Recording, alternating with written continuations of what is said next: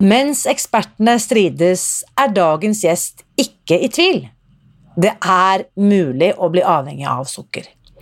Og det er mulig å bli frisk fra avhengighet.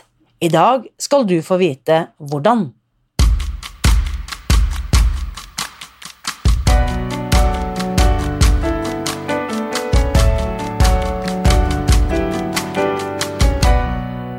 Bente Josefsen har spesialisert seg på å hjelpe mennesker med sukkeravhengighet og er daglig leder i selskapet Frisk uten sukker. Fra tidligere er hun utdannet friskvernskonsulent med anatomi, fysiologi og ernæring som fagfelt, før hun eh, spesialiserte seg i sukkeravhengighet. I dag skal vi snakke om hvorfor det er så viktig å ta tak i sukkeravhengighet, og hva du kan gjøre for å bli frisk. Før jeg inviterer Bente inn i samtalen, vil jeg gjerne lese opp en tilbakemelding fra en lytter som skrev følgende kommentar etter å ha hørt intervjuet med divisjonsdirektør Linda Granlund i Helsedirektoratet for noen uker siden. Dette var en veldig spennende og lærerik episode. Å endre Helse-Norge er ikke lett, men ett steg om gangen og én tanke her og én tanke der. Prikk, prikk, prikk. Så takk til Irina Lie og Lisbeth Granlund, skriver Nina. Og hvis du som uh, hører dette nå, vil lytte til min samtale med Linda, så kan du gå til nettsiden spisdegfri.no 29. Bare skriv inn uh, nettadressen da, skråstrek, og så tallene 29, så kommer du faktisk rett til denne episoden i nettleseren din. Men først her kommer dagens gjest.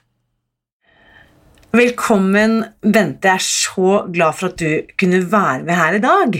Tusen takk. Veldig hyggelig å bli, bli invitert, Irina.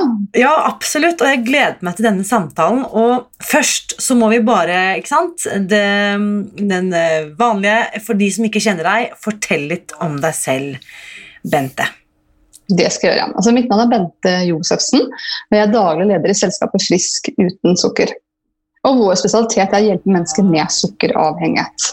Uh, og vi er spesialisert bare på det. det, det, vi, det vi, jobber veldig sånn trofast mot den målgruppen. Da, for vi vet at de, det er et stort behov, og vi, det er det som er vår spisskompetanse. Så jeg er da selv utdannet fra avhengighetsmedisin med spesialisering på sukkeravhengighet. Men jeg har også sånn helhetlig kompetanse på avhengighet og hvordan avhengighet henger sammen, så det er jo litt sånn, interessant midt i det hele. Absolutt. Og det som jeg eh. også er litt nysgjerrig på, er jo litt din uh, Hvorfor er dette så viktig for deg? Altså, er det, hvor er det dette, hva er det dette engasjementet eh, bunner i? Ja. Altså jeg, har, jeg, har, selv en sukkeravhengighet. Eh, og jeg lever i dag det man kaller tilfriskning fra det. Så jeg kan begynne med positive budskap, og det går an å gjøre noe med det her. Absolutt. Man kan få det utrolig bra. Jeg har selv en lang lang historie. Altså, I dag vet jeg at min sukkeravhengighet startet allerede da jeg var barn.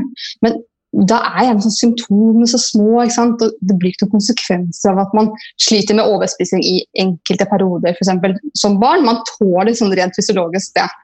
Um, men jeg vil tenke at fra jeg på en måte passerte 20 år, så begynte det her å oppleves problematisk. Og da begynte min karriere med kurer og dietter og jeg, jeg, vet ikke hva jeg egentlig ikke har prøvd. Jeg tror nesten ikke det er eh, jeg tror ikke det er den ting jeg ikke kan krysse av på lista. Eh, for å kompensere liksom, for at jeg ikke hadde kontroll og de konsekvensene jeg fikk for meg, det blant, blant annet av overvekt. Mm. Så da jeg endelig kom over kunnskap om sukkeravhengighet, så, så, fant jeg så virkelig den der, missing link da, som har gjort hele forskjellen for meg. Jeg tenkte at dette, dette, må jeg faktisk gjøre noe med. For det er så mange mennesker som du også vet, Irina, som sliter med det her, som mm. fortjener å få samme hjelp som jeg har fått. Og jeg har jo helsefaglig bakgrunn fra før av, så eh, bl.a. er jeg utdannet friskvernkonsulent med anatomi, fysiologi, studert masse ernæring, kommunikasjon. Så det på en måte da fordype meg innen dette fagfeltet opplevdes veldig naturlig, da, både på bakgrunn av faglig bakgrunnen min og det, den personlige erfaringen jeg har som jeg tror er veldig verdifull da, i den jobben. Jeg tror det er så sant, akkurat det du sier der, også for å skjønne hvordan det føles fra pasientens ståsted, da, eller den personen det er snakk om, uh, å sitte fast uh, mm. i de utfordringene. For det du også har vært inne på, du hjelper Du er på en måte Sånn som, sånn som, jeg, da. Jeg eh, var jo selv veldig motivert av dette med vektnedgang. Men det er ikke det mm. du nødvendigvis driver med. Eh, du er veldig tro, sånn som du har sagt, mot budskapet ditt om å eh, hjelpe folk å kurere seg mot sukkeravhengighet. Fortell litt om grenseoppgangen. Hvordan, hvordan holdt jeg på å si, identifiserer folk seg, om de på en måte er bare er litt tjukke, eller om de faktisk er sukkeravhengige? Ja. Det er på en måte liksom todelt spørsmål, men jeg skal ta begge stegene. For det vi, det, vi, deler det inn i, er at vi setter inntak av sukker det kan vi dele inn i tre ulike kategorier. Man har de som har det vi kaller et sosialt bruk av sukker. De har jo ikke et problem. Altså, de kan stoppe midt i en sjokolade, eh, dropper de som ikke er favorittene sine. de stopper midt i en dessert fordi den er mektig. Eh, jeg har aldri tatt det ordet i min munn noen gang, tror jeg. Eh, så, så, her, så det, det, er ikke målgruppa. De, de klarer seg fint. Eh, så har man det man kaller skadelig bruk, og det er der forvirringen ofte er mot avhengighet. Liksom, hva er hva.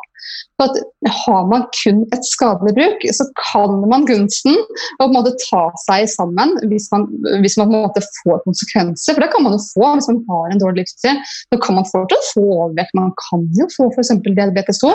Men hvis da man blir konfrontert med det her, så at du ta deg sammen, så kan de faktisk det.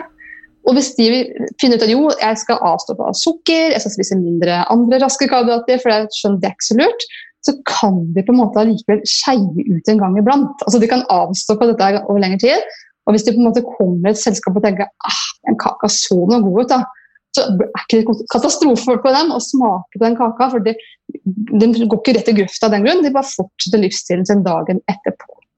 Så de, disse her så kan jo veldig mange hjelpe, for er jo, der er det jo et vell av programmer på markedet som kan hjelpe disse her. Så har man de som på en måte har en avhengighet til sukker. Det er på en mm. måte den tredje kategorien. og Det er et helt klart skille. Man må vite at det er et skille. Og det er et fysiologisk skille, og det sitter i hjernens belønningssenter. For da er belønningssenteret aktivert. og Jeg pleier å bruke en metafor på det. at Hvis du forestiller deg at du har på en måte sånn, en bryter oppi hjernen mm. og peker litt i dina, for du ser meg, de som hører gjør jo ikke det. Eh, så prøv å forestille deg at det har en bryter oppi hjernen, oppi hjernens belønningssenter, og noen har trykket på den for deg. Noen andre flekker. Dette er ikke noe du har selv påført deg. Så er den aktivert, og så har den, den blitt kastet liksom bare på sjøen. Du får aldri tak i den igjen, for det her er ikke reversibelt hvis man først har utviklet en avhengighet. Eh, og da er hjernens belønningssenter fysiologisk ombygget, faktisk. Og det vil si at det eneste man kan gjøre, er å jobbe seg i en tilfriskning. Man må avstå fra det man er avhengig av, på like linje som man f.eks. er avhengig av alkohol. Man kan få et ekstremt godt liv, samtidig som man viser at det her er kronisk. Så det er, det er ikke bare det å kose seg ved unntakene, det vil ikke fungere. og det er mm. det de fleste prøver. Jeg selv prøvde i årevis, det fungerte jo aldri. For da satt jeg der igjen og var helt fortvila, skjønte ingenting. Hvorfor jeg bare ustoppelig igjen. Ikke sant? Og det er så bra at du setter sånn At du forklarer det så med enkle ord, og dette er forståelig. fordi at det å ha mistet den fjernkontrollen, det var et utrolig godt bilde. Det tror jeg er vanskelig å sette seg inn i for de som ikke har opplevd dette på kroppen. Mm, og du, eh, I forkant av denne samtalen vår i dag så skrev du også til meg, og der skrev du at de som sliter med sukkeravhengighet, kanskje er den mest misforståtte pasientgruppen. Og det ender med at de blir sendt fra behandler til behandler pga. konsekvensene og symptomene de har. Da. Og hva slags sykdommer er det denne sukkeravhengigheten ofte forveksles med? Ja, altså det man sier da, at Det gir på en måte konsekvenser på fire områder. Du har de fysiske, fysiske konsekvensene, du har det psykiske, mentale, du har de, de, de sosiale, og man har de åndelige. Mm. Eh, når det gjelder de fysiske, så kan, altså, hvilke konsekvenser kan det på en måte egentlig ikke gi? Det er jo veldig forskjellig fra person til men alle får ikke en overvekt. For det er man lett for å tro at alle blir overvektige av det, men det, man gjør faktisk ikke det. Og Det handler jo både om at vi er genetisk ulike, altså noen kan jo tilsynelatende spise alt, og alle legger på seg. Men så er det ikke fullt så enkelt, fordi vi vet at svært mange med en sukkeravhengighet har masse kompenserende strategier for inntaket eh, som gjør at de ikke legger på seg. Det kan være at de ene ikke sitter og spiser store mengder, og så mm. kaster de opp. De kan bruke lakserende midler, de kan bruke overtrening, eh, sulter seg, faste osv. for å kompensere. og det, det, kan gjøre noen faktisk klarer å beholde en normalvekt, og noen er faktisk også undervektige. Og Da kan vi jo se på dette med anoreksi og bulimi. Kan kanskje ikke Er det ofte en sukkeravhengighet som ligger i bunn for at man jobber, har disse kompenserende tiltakene? Det ser vi ofte. Uh, så, og Når det gjelder det fysiologiske, så kan man få diabetes 2. Det er jo ganske så typisk. Altså, ja uh, altså, Åh, nå sa jeg Irene. Betennelser i kroppen, hodet begynner å bli migrene. Altså, lista er kjempelang. Når det gjelder psykisk, så er det jo nedstemthet, mm. depresjoner, angst, søvnvansker. Veldig veldig vanlig. Og det interessante er at veldig mange, og spesielt apropos det å bli misforstått i helsevesenet, er at mange tenker at fordi man er deprimert, så sitter man og trøstespiser. Det er det man tenker. ikke sant? Men vi, eh, for vi har nemlig et kartleggingsverktøy som kan eh, vise altså Det et diagnoseinstrument da, som heter Sugar, som viser det her i et tidsløp. altså Man ser hele livsløpet. og det vi ser da er som, men Når startet de første symptomene på mm. sukkeravhengighet? Og Da ser vi alltid at første symptomene startet lenge før de psykiske vanskene oppsto. Yes. Ja? Og lenge før man fikk noen fysiske konsekvenser, sånn som du var inne på tidligere. Absolutt. Mm. absolutt. Så det å tenke at det her er en trøstespising, nei, det er ikke hele bildet. For mm. det gjør man som konsekvens av at man utvikler avhengighet. Men avhengigheten kom først. Hadde du ikke hatt den, så hadde du ikke hatt behov mm. for å trøstespise. Mm. Mm. Så det var jo da psykisk. Og da åndelig. Det handler om opplevelse av liksom, det å ha, ha, en mening her i livet. At jeg har en verdi, at det er noe vits at jeg lever. Eh, og sosialt er det dessverre svært mange etter hvert da, eh, isolerer seg. Og fordi yes. dette er en sykdom i utvikling som eh, man deler her inn i tre faser. Når man kommer på en måte i siste fase her, så er det svært mange mennesker som isolerer seg mer og mer. Fordi det er jo også noe av det som eh, forfatteren av boken 'Spis deg fri', Susan Pierce Thompson, eh, gjentar i så mange sammenhenger, og som jeg også selv eh, både har erfart og sett så mange eksempler på, at addiction is a disease of isolation. Altså yes. avhengighet forutsetter isolasjon, og det har vi mange strategier for å gjøre.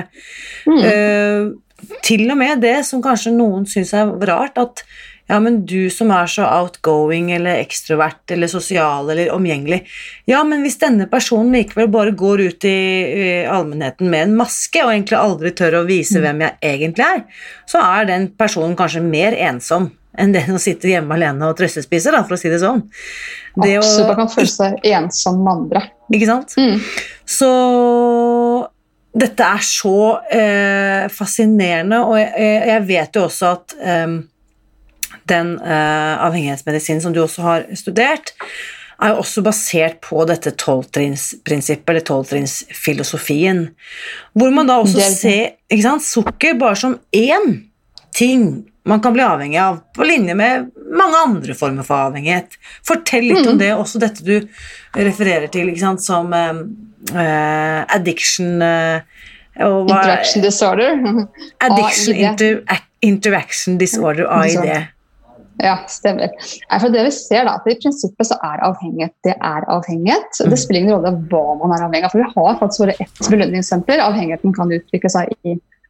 Eh, og så har man det man kaller da ulike utløp for avhengighet, hvor man har en sånn todeling. da, Hvor man snakker om de inntaksrelaterte avhengighetene, som kan være, altså være sukker og andre raske karbohydrater. Det kan være alkohol, piller, nikotin, koffein osv. Det er det man kan innta i kroppen. Så har man det man kaller da prosessrelatert avhengighet. Det er jo på en måte ting vi gjør. foretar oss. Det kan være overtrening. Man tenker men er det problemer med å avhengig av trening? Det høres jo fantastisk ut hvis man ikke har kommet seg ut av sofaen de siste ti åra. Eh, men så lenge det er en avhengighet, så er det, er det svært problematisk. Eh, mm. Fordi at da er det ikke viljestyrt. Dette er en tvangshandling, og det kan utvikle seg til andre avhengigheter også. Man blir syk av det også. Så har man eh, overjobbing, shopping, skjermer. Altså, har dere lagt merke til hvor mange som sitter og ser på seg skjermene hele tiden? Og mm. mange kan kanskje gjenkjenne seg i at man tenker at nå må jeg legge bort den skjermen. Så putter man i rommet og tar to sekunder, så er den tilbake igjen. Og Klarer man ikke å bryte det mens det skal man tenke etter. Klarer jeg faktisk å kontrollere det her? Så, så, Man kan både på en måte være avhengig av ting man inntar og ting man gjør. Uh, og man, Nå sier forskerne at over 90% av de med avhengighet har mer enn ett utløp. At man har ikke bare alkoholen eller bare sukkeret. Mm. Um, og Ofte så er sukker det man kaller det gateway drug, altså det som kommer først. for Det er jo det første vi kan komme i kontakt med her i livet, mm. som kan være avhengighetsskapende. Har man en biologisk sårbarhet for å utvikle avhengighet, og man kommer i kontakt med sukker, hvilket man jo gjør i dagens samfunn, så er jo sannsynligheten stor for at man utvikler avhengighet til sukker. Men så kommer man kanskje ikke i kontakt med for dette problemet ikke har blitt så stort ennå, så skjønner man ikke helt at det her er en avhengighet. Så kanskje man begynner å drikke da, i en alder av 18 år, og så får man fort et veldig sånn sug på den alkoholen. Kanskje man får et større kick, man endrer mye mer synsstemning enn vennene. Så kan man i løpet av seks måneder, hvis man har en annen avhengighet i bunn, bli avhengig av mm. Så det skumle er på en måte at vi har flere utløp, og det kan bytte seg imellom. Også bli avruset fra f.eks. alkohol, og så sitter man og tar opp sukker igjen. Eller man kan avlyses fra sukker og faktisk ta opp alkohol, og vice versa. Og dette sier jo alle som jobber med avhengighetsfeltet, at dette ser de gang på gang. Ja. Du kommer den tørrlagte alkoholikeren, seks måneder etterpå er vedkommende enten blitt treningsnarkoman og blitt helt sånn, gått helt bananas på det, og eller blitt sukkeravhengig. Mm. Og så er også problemet her at i dagens helsevesen så er det et behandlingsløp for den som måtte være alkoholavhengig. Der finnes det på en måte en diagnosemanual, og man kommer inn i et system, og man blir avruset og sånn og sånn. Men hvis samme pasient kommer tilbake med helt andre symptomer seks måneder etterpå, så er det ingenting som kan fange opp vedkommende, fordi at det er ikke definert da som en helseutfordring, da, eller en diagnose. Ja, så er det i hvert fall ikke dems, dems spor, da må du på en måte til neste klinikk som behandler det utløpet. Ja.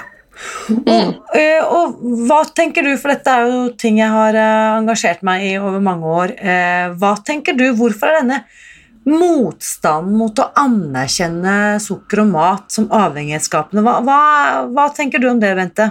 Hva bunner denne motstanden i? Nei, altså jeg tenker flere ting, eh, flere ting Irina. Men jeg tenker at det, det, kanskje kan være vanskelig å ta inn over seg noe som kulturelt, kulturelt er sett på som så kos som det er i dag. Og forstå at liksom, det også kan være problematisk og skape avhengigheter. Eh, fordi at Det er veldig lett, lettere å definere alkohol og narkotika som rusmidler. Den er nok lettere å akseptere. Så tenker jeg også at Det er jo veldig mye forskning på det her, så det er jo faktisk liksom ikke noe rock and science sånn sett. Og vi er jo veldig mange mennesker som bevitner at det her også stemmer, men så ser vi jo på så mange fagfelt hvor mange år man henger etter. Altså, kunnskapen og praksis henger ikke sammen. Det tar mange mange år fra man får kunnskap om mm. noe, til man endrer praksis. Dessuten, det som gjør det komplisert, er at man kanskje forstår da, at det, når det handler om alkoholavhengighet, at det her er et fagfelt. Mens når det gjelder det, å være avhengig av mat og sukker, så tenker man at det her handler om ernæring, og så lærer man ikke om det i ernæringsstudiene. Og så eksisterer det ikke. Det her handler ikke om ernæring. Det er jo bare symptomer på det hele. Det her er jo avhengighetsmedisin det her kommer fra. Så de som har studert ernæring, har jo ikke lært noe om, om det her. Mm. Men da må du faktisk over i avhengighetsmedisin og lese seg opp faktisk på sukkeravhengighet. Så jeg tror bare rett og slett det er mangel på kunnskap. Eh, og avhengighetsmedisin det er da en psykologisk tilnærming til feltet? Eller? Hva er Nei. Altså, definisjonen er at det her er jo en fysiologisk sykdom som sitter i hjernens belønningssenter. og Den er, den er kronisk. og du, du, får ikke, måte, den får, du får ikke bort, men den er behandlingsbar. Og så er det, er den en sykdom som utvikler seg over tid, og så går den i bølger. Det er på en måte definisjonen på det her. Så det er ikke en, er ikke en psykologisk forståelse av det, og det, for det blir fort veldig feil. For at Mange tror nettopp det at det her er psykologisk, og da kobler man det jo ikke til at det er en fysisk sykdom som er sentralt å forstå. Og så tenker man at det handler om dårlig moral, det handler om å ta seg mm. sammen osv. At man skal kunne lære seg å ta av det her, innta det med måte. da det fungerer jo ikke. Det var jo en som sa at uh, hvis man tenker, hvis man zoomer ut og tenker på gullstandardrådet som gjelder sant, i dagens Helse-Norge, er spis mindre og beveg deg mer. Mm. Så er vi snakk om at vi som da sliter med matinntaket, vi, vi trosser ikke bare gode råd, vi er også synder i to av de syv dødssyndene. Vi er både late og grådige. Ja. Eh, det er det vi på en måte Det er den, som jeg også vet at du har snakket mye om, dette med den skammen som er forbundet mm. med å ha disse utfordringene. Den er jo unparalleled. Det går nesten ikke an å forstå hvor mye skamming man utsettes for ved at man mm. ikke kan bare ta seg sammen. da. Eh, men før vi forlater dette med cross addictions, eller dette med at eh, avhengighet kan poppe opp i ulike former, som du allerede var inne på, enten ting man inntar, eller ting man gjør, eh, foretar seg, mm. eller aktiviteter man er med på. Hvordan var det for deg, Bente? når du da på en måte kom i tilfriskning for sukker, hvordan kjente du at dette forflyttet seg? Nei, altså jeg, jeg har, fordi jeg har kunnskapen, så har jeg klart å forebygge at jeg ikke har byttet ut løp på det her. Men jeg har en stadig overvåkning av meg selv sant, når det gjelder andre ting. Så jeg, jeg vet at uh, altså Jeg har kuttet ut alkohol, det holder avstår for, for jeg vil ikke stå i fare for å utvikle avhengighet til det. Så det har jeg tatt en beslutning på. Eh, så når det gjelder på en måte, Hvis jeg trenger medisinsk behandling da, og trenger f.eks. morfinpreparater, så vet jeg at det er en risikosituasjon for meg og må håndtere det deretter. Eh, jeg er veldig oppmerksom på meg selv når det gjelder på en måte, ting jeg foretar meg. Er det sånn Skjerm, f.eks. Har jeg litt mye skjermbruk? Mm? Så jeg er liksom helt, har litt sånn fugleperspektiv til meg selv og det jeg gjør, nettopp for å forebygge at jeg ikke popper opp og flytter problemer fra det ene til det andre. Og det er det vi hjelper på en måte våre, de vi hjelper, da, kursdeltakere og de vi coacher, nettopp med å ha det fokuset. Man kan gjenkjenne mønsteret og atferden hvis det på en måte er på vei til å dukke opp noe annet. Og Det er derfor vi også advarer mot å drikke alkohol. Fordi vi vet at det er det som er snilt for disse, og det er faktisk en kjemperisiko. Mm. Så for å eh, bli fri fra avhengighet, komme i tilfriskning, hva er det som kreves mm, basert på den metoden du underviser, hva er det ja. den enkelte faktisk må gjøre? Mm. Ja, altså vi, vi, deler det inn i tre biter. For det, det er jo veldig lett å tenke at det her, dette her handler om mat, så fikser jeg maten, så er ting i mm. orden. Mm. Men det er jo bare en liten del av, av det hele. Uh, så man må på en måte lære seg om sykdommen. Og mat sier vi at det er egentlig bare 10 av av hele programmet, men det er jo grunnmuren, og vi må på en måte ha rett sammensetning av kostholdet for den enkelte. For vi skreddersyr da, for den enkelte så man ikke driver trygge etter belønningssenter, for da er man jo sjansefri. Eh, så når man har fått kosthold så legger vi på masse mentale verktøy. for her, du, Man må liksom bygge opp nye nervebaner i hjernen og finne nye handlingsstrategier her i livet.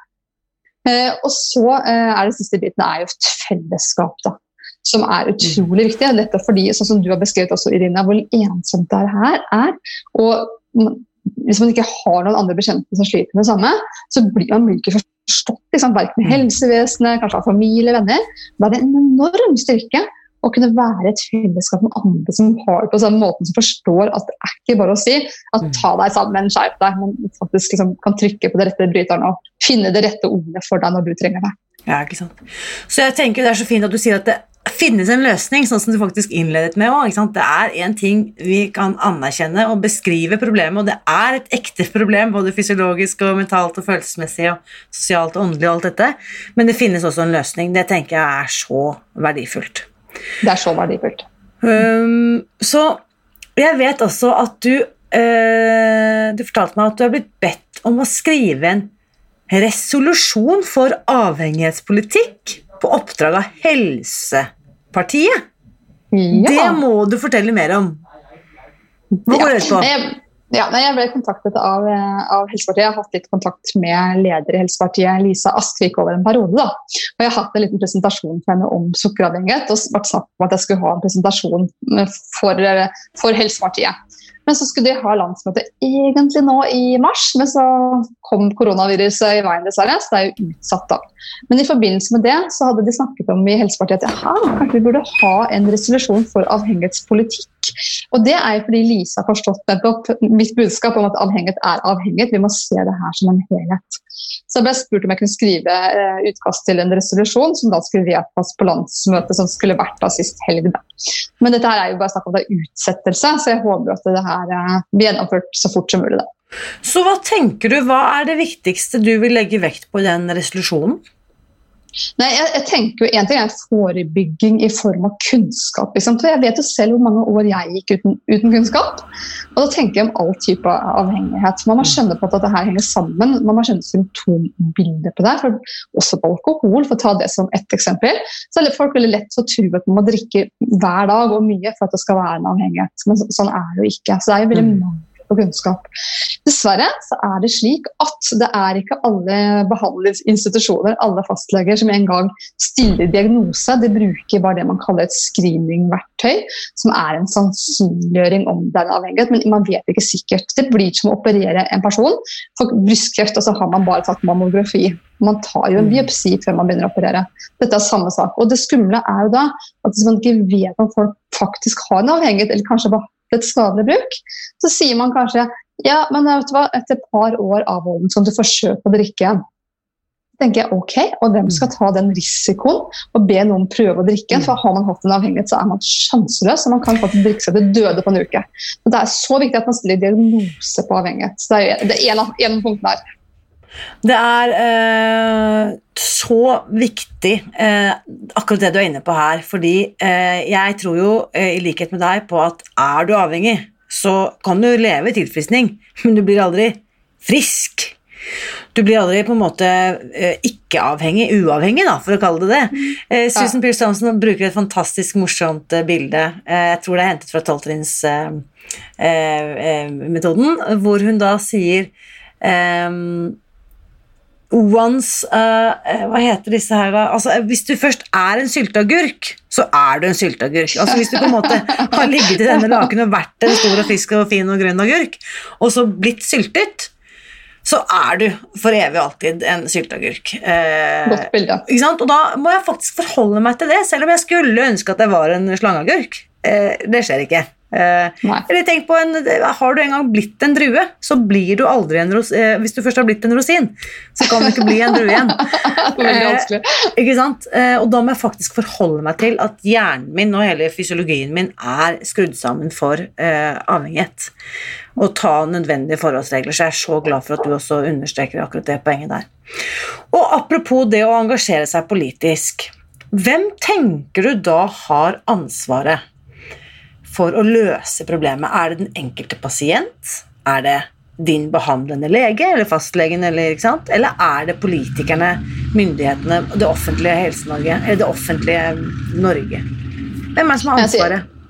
Altså, jeg, jeg, tenker jo at uh, vi må løfte det høyt politisk. Det tenker jeg absolutt. Fordi uh, det her handler om å sette retningslinjer både for kompetanseutvikling, både i helsevesenet, men også kanskje skolevesenet. For å informere og opplyse om at det her er sånn at vi kan inn tidlig da, og forebygge. Det er, det er mange som tar kontakt med meg og er helt fortvila over barna sine. Så, kan det seg at tiåringen min har en sukkeravhengighet? Det kan ikke si sånn. Ja, det kan tenkes. La oss kartlegge det, om det kan stemme. Mm. Eh, så jeg tenker at Vi må på en måte, vi må inn og få, vi må få kunnskap ut i samfunnet, og da må det høyt politisk. For Det er da vi på en måte kan sette føringer for ja, hvem skal ha hvilken type opplæring her. Og Leger og trenger opplæring i hva avhengighet er. De trenger gode verktøy for å kartlegge hvem er som har avhengigheter. Mm. Og bare ta et eksempel, for eksempel de som slankeopererer mennesker. da for meg er det en skam, for å bruke et veldig ærlig ord nå, at ikke de kartlegger før de opererer om det er snakk om sukkeravhengighet. Man kan undre seg på hvorfor kommer man dit hen at man trenger en slankeoperasjon. Så vet man at, at det, altså resultatet på vellykkethet det måles innenfor to år. Altså To år etter operasjon da tar man en sjekk hvordan er vekten din nå. Men det er svært mange som legger på seg en, og det ofte skjer etter to år. Mm. Nå, nå, ser vi bort fra alle de andre negative konsekvensene. Men så er det en interessant ting ved det hele at man ser at svært mange av de som slankeopereres, utvikler da avhengighet til alkohol etter operasjonen. Mm. Så det med litt ulike tall. Jeg prøvde å finne gode statistikk på det, for jeg har hørt sånn opp i 30% Så jeg liksom prøvde å gå virkelig dybden på det, og nå ser jeg det opereres med alt fra 10 til 30 Men det er en vesentlig andel. Og hvorfor gjør de det? Jo, for har de hatt en sukkeravhengighet i bunn, og de ikke får fylt opp med så mye sukker og andre raske karbohydrater, så er det naturlig at hjernen søker til nye veier. Alkohol er lett tilgjengelig. Så, så, Derfor er det så utrolig viktig da, eh, kunnskapene å få ut. For det her er jo, altså Kjære et menneske som har en avhengighet, det er jo, det er jo feil organ de jobber med. Det hjelper ja. ingen verdens ting. De får bare flere problemer. Og da er det pasienten som blir sittende igjen og måtte betale den høye prisen. Eh, ja. Og jeg konfronterte nemlig en av de eh, som jobber med dette på et sykehus i Oslo, eh, og spurte hva da med den pasienten som seks måneder senere er død av alkoholmisbruk? Hvilken mm. statistikk havner den pasienten i? Og det er i hvert fall ikke eh, statistikken over eh, dødsfall i etter, etterkant av slankeoperasjon. De havner Nei. da i alkoholstatistikken. Så disse menneskene og disse nedslående resultatene og den eh, betydelige risikoen det medfører, de blir ikke fanget opp noe sted. For Nei. de blir da tatt ut av ferdigoperert statistikken, og så havner de da inn i en annen diagnose, hva skal vi si, kode. Mm. Så bra du stilte det spørsmålet. Mm. Det er jeg glad for å høre. Mm. Uh, og jeg, uh, En ting er at man trekker frem mange enkeltpersoner og mange enkeltindivider, men dette vet fagfolkene. Dette vet de skjer. Ja. uh, og dette ser de på kartleggingen, men det er på en måte Selv om vektskålen på det negative blir så negativ, så veier de da Forsvarer de fortsatt at et kirurgisk inngrep er det rette. Og det kan det sikkert ofte være, men jeg er helt enig med deg, da må de i hvert fall først utelukke at det ikke er snakk om mm. avhengighet. Yes. Og hvis vi ser på avhengighet eh, Vi vet jo at eh, syv av ti nordmenn sliter med overvekt, og det er ikke nødvendigvis mm. eh, Alle disse er ikke nødvendigvis avhengige, tvert imot, sånn som vi allerede var inne på. Men hva vet vi om andelen avhengige, avhengige befolkningen? Vet du noe om det? Ja, da så opereres det med noe ulike tall. Jeg har hørt alt fra at det er ca. 25% man kan tenke har en eller annen avhengighet. Da til at noen sier at liksom, ca. 75% av befolkningen har på en måte en eh, ja, sårbarhet for uh, sukker. At man reagerer annerledes på det. For bl.a. veldig strenge blodsukker. Og av dem igjen så er det 75 som da utvikler avhengighet. Da. Så tallene er jo litt sprikende, men at det i hvert fall er et stort samfunnsproblem, det er jo ingenting å lure på. For det ser man jo også hvis man på en måte følger med litt. Uh, Susan Pearce Thompson uh, henviser til at det er cirka, man kan regne med at ca. en tredjedel er uh, i hva man skal si det hun refererer til som susceptible, eller vil si typ mottagelig eller utsatt eller har en sårbarhet da, for å utvikle en, en matavhengighet. Mm. Uh, og det tror jeg kan Hvis vi ser for oss da at syv av ti nordmenn uh, sliter med overvekt, så er det nok ikke for hardt å ta i at halvparten av disse omtrent har egentlig en avhengighet i bunn. Nei, det, det, tror jeg du har veldig rett i. Irina. og klart at Det, det interessante vi har vært innom det med slankeoperasjon, er liksom, hva tilbys disse menneskene. ikke sant? Mm. Eh, og Det var jo også et program på TV for litt siden om Evje-klinikken, hvor det her kom frem hva slags regime de satt under. Hvor de selv sa da, jeg sier det, de sa jo selv mm. at vi sliter faktisk med å ha god behandling for de overvektige. Vi lykkes nesten ikke. Mm. Og da tenker jeg, Er det link kanskje vi kunne satt på om, da? Faktisk. Så kunnskapen finnes jo. Det er bare rett og slett uh, lurer på Av og til så handler det også om villighet til å lytte. Ja, det tenker jeg. Uh, etterlyse litt større villighet til å lytte. Um, men kjære Bente, eh, vi nærmer oss slutten. Og til de som hører dette, og som føler at de sitter fast i denne avhengigheten, um, hva vil du si til dem? Altså det viktigste, altså Hvis du på en måte forstår at det kan være en avhengighet du har, så er det viktig at du, at du, gjør noe. For dette her er en sykdom i utvikling, så det, det, altså, det, blir ikke lettere for deg om du måtte utsette det. Og det har vi litt lett for å gjøre, at du putter hodet i eh, sånn struts i sanda. Vi tenker at ah, da kanskje problemet borte, men det, det, gjør jo ikke det. Så det er jo selv, Ta et sånn ærlig tilbakeblikk i livet ditt. Hvordan har det vært? Har du, har du vært gjennom masse slankekurer? Har du prøvd kurer, dietter, eller har du kompenserende strategier i dag? Kan du overtjener eller tuller litt, med, tuller litt med maten, for å si det sånn. Sulter deg litt. Ta et ærlig blikk på den reisa du har hatt. Uh, har den ledet deg til et godt liv? Har det løst mm. problemet ditt, eller er det bare en lang karriere som Jeg hadde svart belte det her selv. For, det, for hvit er en vei ut av det.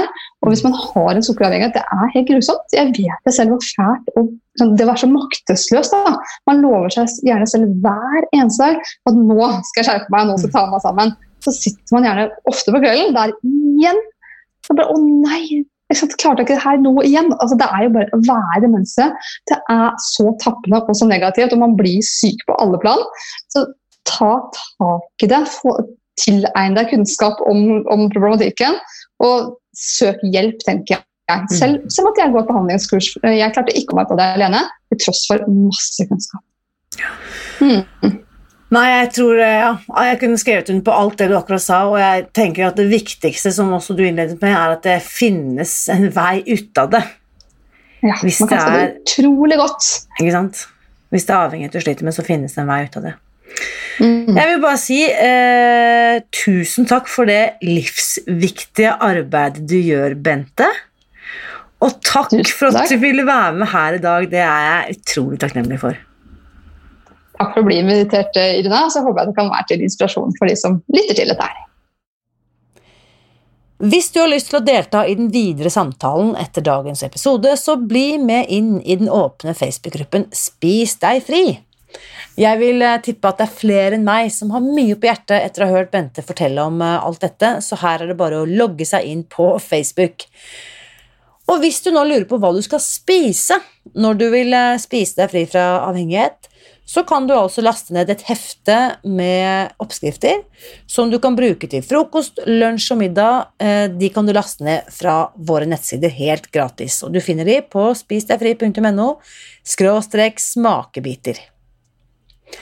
Neste uke da skal vi gjøre et stort sprang. Da får jeg nemlig besøk av forsker og psykolog Morten Nordmo, som har en ganske annen tilnærming til dette temaet enn Bente. Den samtalen kommer til å belyse hvorfor det er så vanskelig å finne løsninger som faktisk fungerer, og hva forskningen viser når det gjelder behandling av pasienter som sliter med overvekt og fedme, hvorfor det er så vanskelig å finne løsninger som eh, faktisk fungerer. Så følg med her neste søndag. Og hvis du har hørt noe som du syns var viktig eller interessant eller tankevekkende i dagens episode, så vil jeg igjen da bare oppmuntre deg til å skrive en omtale av podkasten i iTunes. Da bidrar du nemlig til at flere lyttere kan oppdage alt det vi snakker om her. Så mitt motto er jo at gode nyheter er skapt for å deles. Så hvis du har lyst til å hjelpe meg med det viktige arbeidet, så del gjerne denne podkasten med andre du kjenner. Husk også at jeg heier på deg. Alltid.